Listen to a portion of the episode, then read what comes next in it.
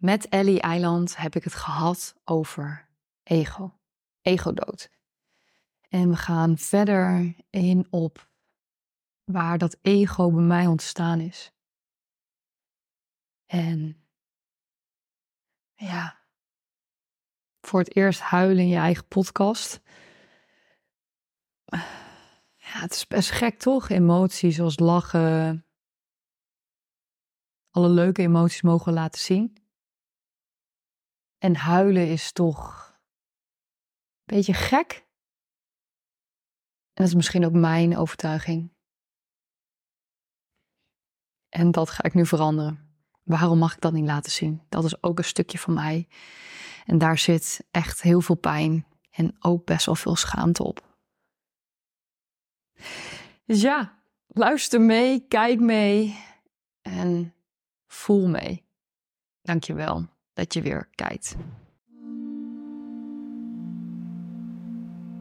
Maak je los van je vooroordelen. Maak je klaar om de wereld te zien door een andere lens. Kijk met blauwe ogen, waarbij je wordt uitgedaagd om breder te kijken en dieper te graven. Ik ben Bianca van Elp en dit is jouw uitnodiging om verder te kijken. Als ik dit zeg tegen jou, waar voel jij dit in je lichaam? Oef, oh. Waar voelde ik dat net? Ja, toch denk ik wel een beetje hier bij mijn hart, mijn borst wel. Dat ik denk, oh, ik ben hier voor iets groots, weet je wel? Dan denk ik, oh, dat is mijn ego. Ik vind het heel, heel mooi om te horen. Is dat jouw ego? Denk ik dan. En welk deel uit het ego is dat dan? Weet je, ben je daar? Kijk, zoals dit is dan weer dat experimentele. Normaal gesproken laat ik mensen dat altijd helemaal voelen. Ja, begrijp Komt ik. het uit meer uit dat, dat hartgedeelte hè? en uit de lijn met meer het bovenpersoonlijke. Ja. Dus meer je intuïtie en dat soort regionen. Of komt het inderdaad toch uit het ego die denkt, yes, nu voel ik me groot worden. Of voel je je vooral warm worden? Oh, wauw. Oeh. Oh. Ah, dat is wel bijzonder. Nee, ik had meer. Ik, had, ik voelde wel meer een soort, soort activatie of een soort ja, warmte misschien, maar wel meer inderdaad dat ik dacht: oh ja, daarvoor ben ik hier. Of oh ja, dat soort vergeten ben. Of Ja, dat gevoel. Dus misschien is dat dan toch wel meer dat lijntje zo. Want Zou stel kunnen. dat het wel het ego is, hoe, wat, wat merk je dan, zeg maar? Voor, voor mijn beeld. nou, dat is bij iedereen natuurlijk heel erg verschillend. Ja. Ehm, in gesprek kan ik het dat, dat vaak een beetje moeilijk zien. Ja, Wat ik wel kan zien, eh, weet je, als ik dat op de tafel bij mensen doe, dan voel je als het uit een ego-deel komt, dan voel je dat het lichaam toch nog ergens een beetje hard blijft. Hè? Het komt uit een soort beschermdeel. Hè? Dat beschermdeel wat zich groter wil maken dan zich eigenlijk voelt. Oh ja. En dus eigenlijk een klein deel onder zit wat zich heel klein voelt. Dus dan voel je dat er een bepaalde soort hardheid, koudheid te voelen is in het lichaam op Oh de ja. plek waar we werken. Ah, En op het moment als het echt van binnenuit komt, hè, het komt meer uit dat hartgedeelte, het komt meer uit van het, een deel van de compassie van ja, maar dit is echt een herinnering ja. van wat ik hier te doen heb. Ja. Dan komt het veel meer vanuit de zachtheid en dan voel je ook dat het lichaam heel zacht wordt. ja. Dus nu in gesprek zou ik het niet Nee, direct kunnen, Snap ik. eh, kunnen beantwoorden. Dus dat zou je voor jezelf kunnen gaan onderzoeken, echt in je lichaam. Ja. Om te kunnen voelen van hé, hey, maar, maar wat komt nou echt vanuit het hart? En uit compassie, warmte, liefde, dat bovenpersoonlijke. Ja, dus wat je hier te doen hebt. Of wanneer komt het vanuit inderdaad een socialisatiestuk, een ego-deel, wat zich groter wil maken. Ja. Ah, mooi. Dus dat is wel heel erg interessant. Ja. Ja, maar laat het gewoon allemaal, wat er nu allemaal, we zijn natuurlijk allemaal aan het uitwisselen. Dus er Ja. worden natuurlijk ook heel veel dingen bij jou geactiveerd. hè, om weer verder te gaan onderzoeken en uitzoeken. En volgens mij gaat het daar heel erg om, als je met elkaar in gesprek gaat. Van, oh ja, wat gebeurt er nu eigenlijk allemaal in me? En wat, wat voor invloed heeft dat op me? Zeker. Klopt. En, ehm, nou ja, en wat ik jou eigenlijk ook hoor zeggen is van... hé, hey, maar als jij dat zo zegt dan, en je hebt hier iets groots te doen... Mhm. Dan voelt het eigenlijk wel een soort van warm, zei jij. Ja. Dus ergens resoneert het wel echt iets met iets, iets diepers. Dat is in ieder geval mijn, mijn interpretatie nu op dit moment Oh ja. hiervan. Mhm. Ehm, maar ik hoor jou tegelijkertijd ook zeggen van... jeetje man, er komt wel echt heel veel op me af. Want ik krijg heel veel meningen. Ik moet de eerste zijn die ergens van zegt. En ik vind het ook spannend om het uit te spreken. Hoor ik je ergens eerder al zeggen Klopt, van... ja. Hè, ik wil eigenlijk vrij uitspreken. Ja, dat is denk ik ook wel waar ik dan nu afgelopen drie kwart jaar ook om meer over eh, bijvoorbeeld human design te delen of mijn plantmedicijnreis. Dus Ja. eigenlijk allemaal wat meer onder de noemer esoterie, ja. Ja. het spirituele. eh, merk ik ook wel. Aan de ene kant vind ik het super fijn om daarover te delen. En doe ik dat ook al. Nou, ben ik ook best wel blij met dat ik het in ieder geval op mijn podcast deel. Maar ik merk al dat ik het op LinkedIn ook al wel lastiger vind, merk ik, qua platform. En op zich, direct in mijn omgeving deel ik het ook al wel meer. Omdat ik echt merk dat die passie, dat echt, echt, ik vind het zo vet. Je kunt me er volgens mij niet s'nachts voor bellen. En ja, dan uh, denk ik, oh, dan ga ik daarover kletsen. Maar ik merk ook dat ik anderen daarmee raak omdat ik dat nu voor mezelf aan het ontdekken ben. En dat anderen dan ook mij een beetje aan het remmen zijn. Uh, of uh, nee, Bianca, het is echt onzin hoor. Die, uh, dat human design. Moet je eens lezen dit. Er is helemaal geen bewijs voor. En, ehm, en dan wordt ook wel weer de wetenschappelijke Bianca ook wel geactiveerd. Want dan krijg ik ook nog de opmerking van... ja, kijk je wel kritisch en zo. Dan denk ik, wow, weet je wel. Dat, dat soort meningen krijg ik. Ook ja. nu sinds ik meer op dat pad van bewustzijn... meer naar mezelf aan het kijken ben. Ja vriendschappen ook verlies. Dat inderdaad iemand zei van, oh, dit is echt een hele andere Bianca. Toen dacht Ja. ik, echt een hele andere Bianca? Ja. Wow, maar ik voel me veel meer mezelf. Dus toen, nou ja, dit is ook, was een vriendschap van tien jaar ook. Ja. Waar ik natuurlijk ook enorm in veranderd ben. Maar ik dacht wel, wauw, die was wel, uh, ja, ook wel alleszeggend. Ja. Die vond ik ook wel... Uh, Want wat zei het voor jou? Ja, dat is denk ik ook op het moment dat ik net toch wat een, ja, misschien toch een soort brok in mijn keel kreeg. Dat ik aan de ene kant merk, als, om, om weer terug te gaan naar dat ego-dood. Aan de ene kant merk ik als ik dat, dat van die ego-dood, als ik dat wat meer van me af wil, ja, als ik dat wat meer van me af wil schudden. Oh, moeilijke, moeilijke woorden zijn natuurlijk allemaal. Als ik het wat van me af wil laten schudden, van me afschud, dan zit ik dus met het stuk, oké, dan kom ik dichter tot mezelf. Maar verlies ik daar misschien anderen in? Maar ja, wie verlies ik daarin? Zijn dat eigenlijk nog wel mensen wie, waar ik mee om wil gaan? Ja, zou ik hier even theoretische ja. ondertiteling onder geven? Ja, ben ik ja wat heel naar. mooi wat je hier allemaal aankaart.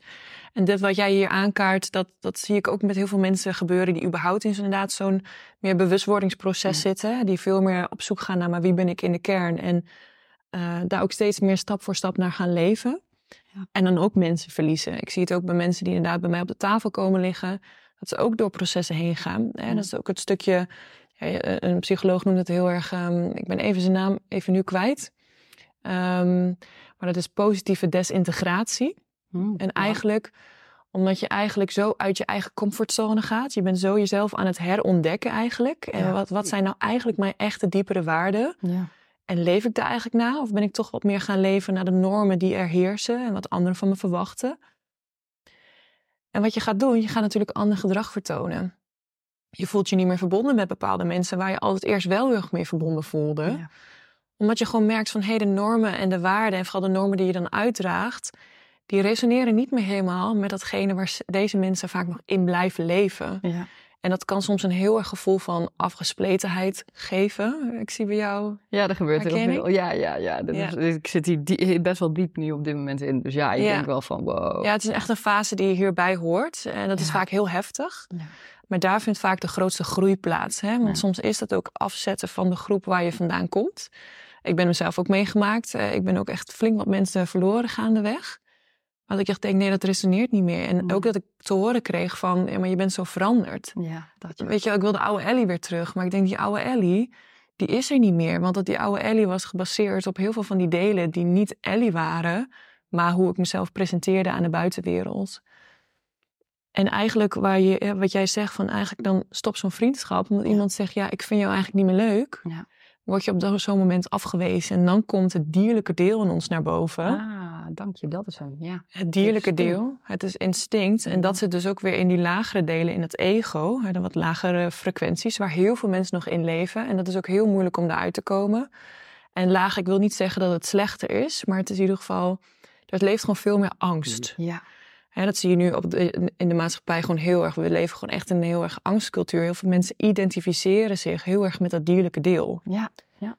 En wat je eigenlijk ziet gebeuren, is dat op het moment dat jij wordt afgewezen, en dat zit in onze sociale, we zijn sociale dieren, afsplitsing betekent doodgaan. Want je overleeft alleen in groepsverband. Ja. Nu is dat tegenwoordig is het anders. Maar die psyche, die zit nog Zit er steeds. nog in, hè? Dat zit er nog steeds in. Oerbrein. Dus wij doen er alles aan om niet afgewezen te worden. Dat is dus zo gekke.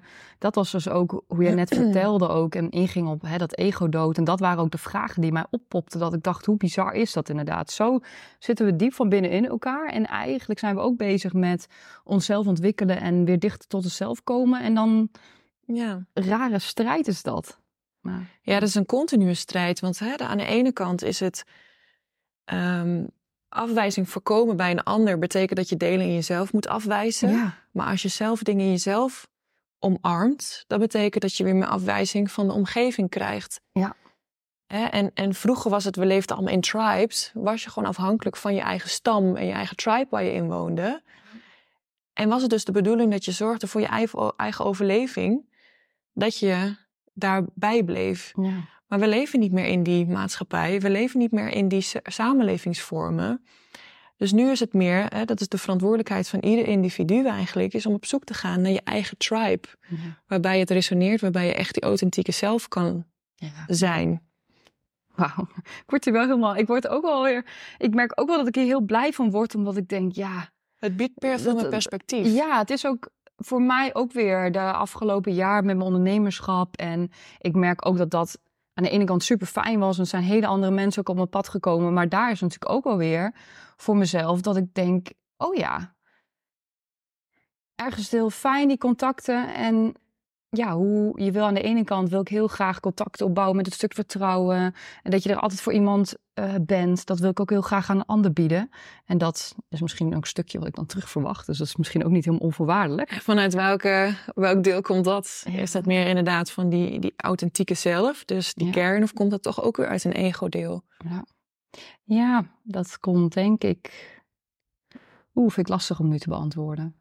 Dat ik op iemand anders kan bouwen, is denk ik. Oh, ik zit nu aan mijn opvoeding ook te denken natuurlijk. Wat komt er omhoog? Nou, omdat wij altijd als gezin ook wel best altijd wel bezig waren met afspraak is afspraak.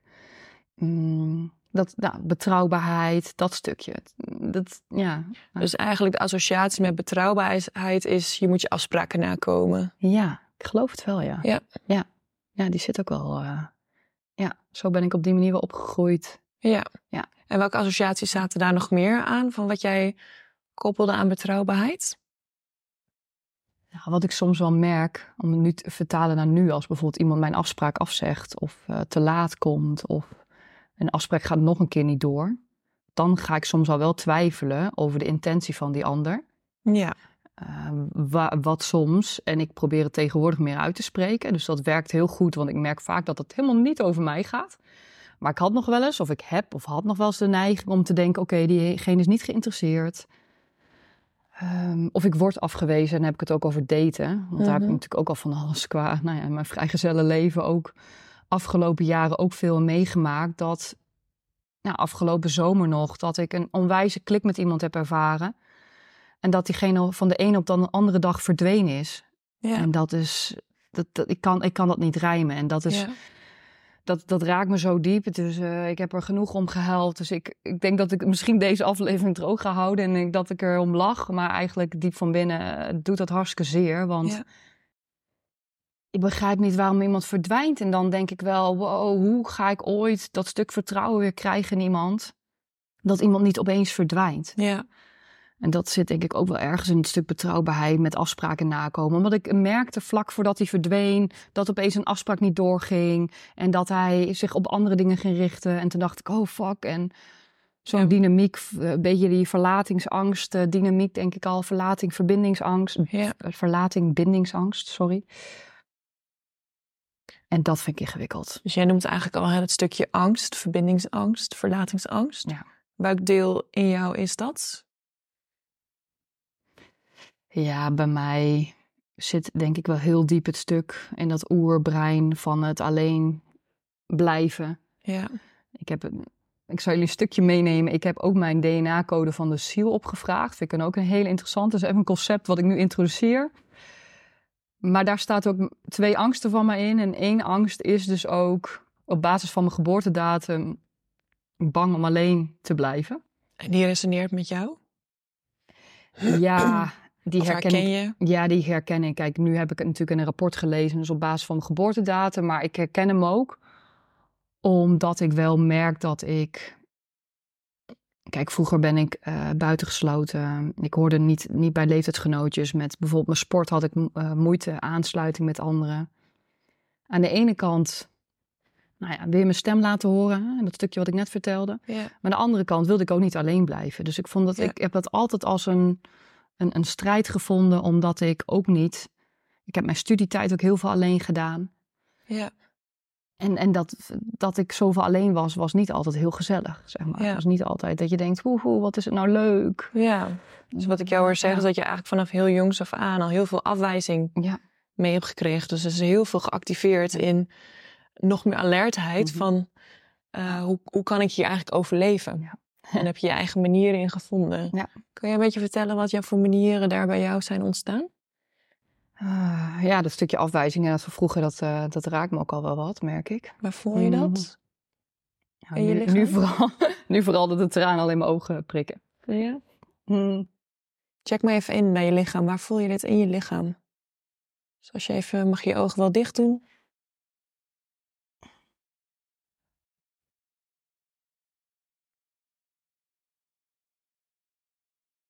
Ja, laat het maar zijn. Ja, hoe voel ik dat?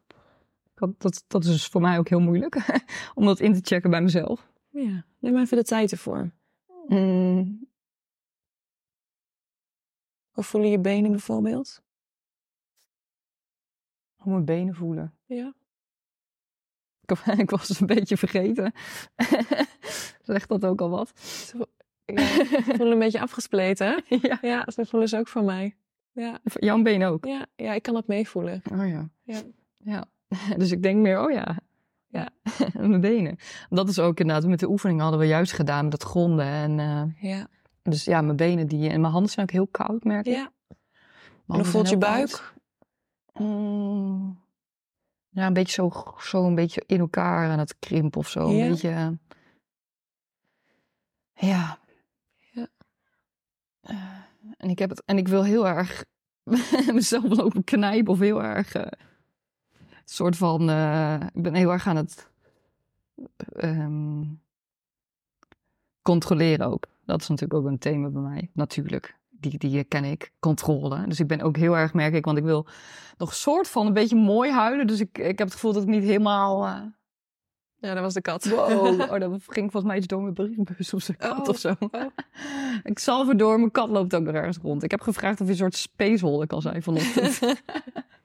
Nee, dus ik merk dat ik een, ja, ik probeer mezelf iets te controleren, omdat ik denk, oh ja, deze dat afwijzen, het raakt me heel erg, want dat, dat, dat is echt mijn ding van vroeger uit al. ja. En altijd heel veel dingen altijd alleen gedaan. Ja, ja. heel veel. En wat ben jij gaan doen om, om die afwijzing of te gaan voorkomen? Of ja. Wat ben ik gaan doen? Hmm. Nou, ik voel dat ik mezelf een beetje moet gaan herpakken. Ehm, laat het er maar gewoon zijn, hè? ja. Geef het maar de ruimte. Ja, want als ik het ga tegenhouden, wordt het alleen maar. Hè? ja, geef het de ruimte, ja. Eh, ja, wat heb ik gedaan? Mm, nou, wat ik merkte vaak op de middelbare school bijvoorbeeld. Daar begon het ook wat dat ik altijd best wel kritische vragen stelde aan leraren. Wat en mijn klasgenoten irritant vonden. Want dat gaf blijk aan het feit dat ik mijn huiswerk had gemaakt en zij niet. En ik moeilijke vragen stelde. Dus klasgenoten vonden dat irritant. Ik weet niet meer hoe ze dat precies allemaal aan mij lieten blijken. Maar ik voelde dat wel. Ja. En docenten, die vonden mijn vragen heel vervelend. Want dat betekende soms dat ze niet konden beantwoorden. En dus dat voelde ik heel erg. Dus het maakte vaak dat ik niet meer mijn vragen ging stellen. Dat ik dus ook heel solo ging studeren. Ik fietste vaak alleen naar huis. Dat is eigenlijk wat ik jou hier hoor zeggen. Als je bent je eigenlijk heel gaan afzonderen. Ja. Ja. Ja. Ja. Geef me even ruimte aan dat deel. Echt, ik heb me heel Hmm. erg veel afgezonderd altijd, ja. Ja, en ook altijd mijn studietijd. Mijn sport altijd. En heel veel alleen. Omdat ik, ik, ik kon ook niet anderen vinden die zeg maar ook ook bijvoorbeeld studeren wel belangrijk vonden om, om, om serieus bezig te zijn. Die waren bezig met, met stappen. En dat ging ik ook wel meedoen. Dus ik denk ook wel met sommige dingen heb ik meegedaan. Maar nu merk ik ook, nu ik 32 ben, denk ik soms van ja, ik heb allemaal geen zin om tot drie uur uh, in de kroeg een drankje te doen. Ik ga veel liever zo'n gesprek als dit. Ja. Veel liever een gesprek als dit. En dat ik dan emotioneel word. Nou, dat is wel even heftig. Maar dat is voor mij zoveel meer waar, waarde dan dat ik nu dansen vind ik wel heel leuk en zingen ook. Maar dat ik dan in de kroeg sta drankjes te doen en kan mensen amper verstaan. En Ja, vind ik, ja, ja, denk ik soms, ja, vind ik dat echt leuk. is niet jouw plek. Nee, is niet echt Nee. mijn plek. Nee. Nee. Nee. Nee. Dus eigenlijk wat ik jou hoor zeggen is, nou, om te voorkomen dat ik nog meer afwijzing krijg dan wat ik al heb ge- gekregen. En ook afwijzing op hè, dat. ehm, ik hoor aan de ene kant, hè, dat jij zag gewoon interesse in bepaalde materie. Je denkt, Ja. hoe zit dit? Ja, Hoe zit dit? ik wil het helemaal snappen. helemaal snappen. Van Ja. links, van rechts, van onder naar boven. Dat werd niet gewaardeerd door jouw sociale omgeving. Ja. Dat heb je teruggekregen. Ja. En eigenlijk als overlevingsmechanisme ben je eigenlijk ben je jezelf kleiner gaan maken. En een beetje onzichtbaar ook misschien. Ja, klopt. Ja, Ja. zeker. Ja. En ik merkte ook altijd dat ik altijd een beetje tussen verschillende groepen. Wat ook wel bijzonder was, de dynamiek is dat ik zeg maar op de middelbare school had je verschillende groepen. Maar ik merkte ook dat ik nooit echt bij een groep paste. Ik paste ook niet bij de, de echte types die alleen maar met studie bezig waren en best Mhm. wel introverte verlegen waren. Daar paste ik net niet helemaal tussen, want dat vond ik soms weer wat saai. Mhm. Hè, om het even zo te klassificeren, zeg maar. Ja. Alleen dan had ik weer een andere groep, die waren aan het spijbelen. Nou ja, met van alles en nog wat bezig, waar ik minder interesse aan had. Eh, dan heb ik misschien meer over dranks, drugs, eh, dat soort onderwerpen. Of Ja. onderling, man, vrouw. Dat allemaal om te ontdekken. En dan had ik ook altijd zoiets van, ik ging altijd een beetje met die verschillende groepjes om. Maar mij maakte dat, ik vond ook die hele groepsdynamiek altijd heel... Maar ik had helemaal niet zo behoefte aan al die groepjes. Ik ben ook totaal, ik heb ook nooit een vriendin, vriendin of vriendengroep om me heen gehad. ja. Dat heb ik helemaal nooit, terwijl ik daar soms heel jaloers op ben dat anderen dat hebben. Ik ben heel goed in één op één. Maar al die groepjes, dat denk ik soms, wat zijn we aan het doen? ja. Omdat dan zoveel in een groepje ook niet zichzelf kunnen zijn. Ja. Zeg maar dat voel ik dan. En dan denk ik, Maar is dat het misschien niet inderdaad? Dat je inderdaad heel erg veel die inauthenticiteit van mensen Ja. ziet. Dus dat mensen heel erg van- aan elkaar haken vanuit een deel wat eigenlijk niet vanuit een diepe kern is. ja, Ah, en weet je wat je eigenlijk ziet gebeuren? Hè? Want eh, ik vind het heel mooi eh, en ik vind het ook heel fijn dat je zo open bent. Ik hou ook heel erg van dit soort authentieke dingen. Hè? Dit is gewoon hoe je je voelt en dat Ja. het er gewoon is. ja. En juist het te later zijn, dat komt vaak weer uit dat stukje authenticiteit. Want dit is nou gewoon wat bij menselijk wezen hoort. Dat we gewoon een golf aan emoties allemaal hebben. En, en zolang die er mogen zijn en je daar zelf de toestemming voor geeft, ook al is dat deel misschien vanuit een, Ja. een kindsdeel die dat voelt, Ja. daar zit altijd een volwassen deel op. En dat volwassen deel, dat komt vanuit die authenticiteit. Die kan zeggen, oké, laat het er maar zijn. Ja. En als je dat er kan laten zijn, dan zijn we automatisch al op authentiek, authentiek niveau Ja. aan het communiceren. Dus I love it. Mooi Ja. dat je het er gewoon mag laten zijn. Ik zie dat Ja. je ergens nog een beetje inhoudt. Ja, ik probeer het een begrijpen. beetje- een beetje in te houden. Kan ja. ik me helemaal voorstellen. Heel logisch. In totaal hebben Eddie en ik vijf kwartier over dit onderwerp uitgewisseld. En ik maak hier even een knip. Anders wordt het best een lange aflevering. En ik had op dat moment ook iets van technische struggle. Dat ik me afvroeg of de opname nog wel goed ging. Dus ik dacht, hier knip ik hem. Want de volgende aflevering gaan we nog wat verder in op dat gevoel. Dat echt mogen voelen. En wat voel ik in mijn lichaam? Hoe voelen mijn benen? Voel ik iets in mijn maag? Voel ik iets bij mijn hart? Wordt het warm? Wordt het koud? Echt te mogen intunen bij mezelf. Wat gebeurt er? Wat voel ik? Waar voel ik dat? Dat, is zo'n ja, dat zijn vragen waar je ook zelf eens mee aan de slag kan gaan. Dat zijn vragen die ik mezelf te weinig stel en te weinig tijd en rust voor neem. En dit is jouw uitnodiging. Dat was weer een inspirerende duik in de wereld met blauwe ogen. Vergeet niet, een open blik kan deuren openen waarvan je niet wist dat ze bestonden. Blijf ons volgen en deel jouw eigen ontdekkingen en perspectieven met ons.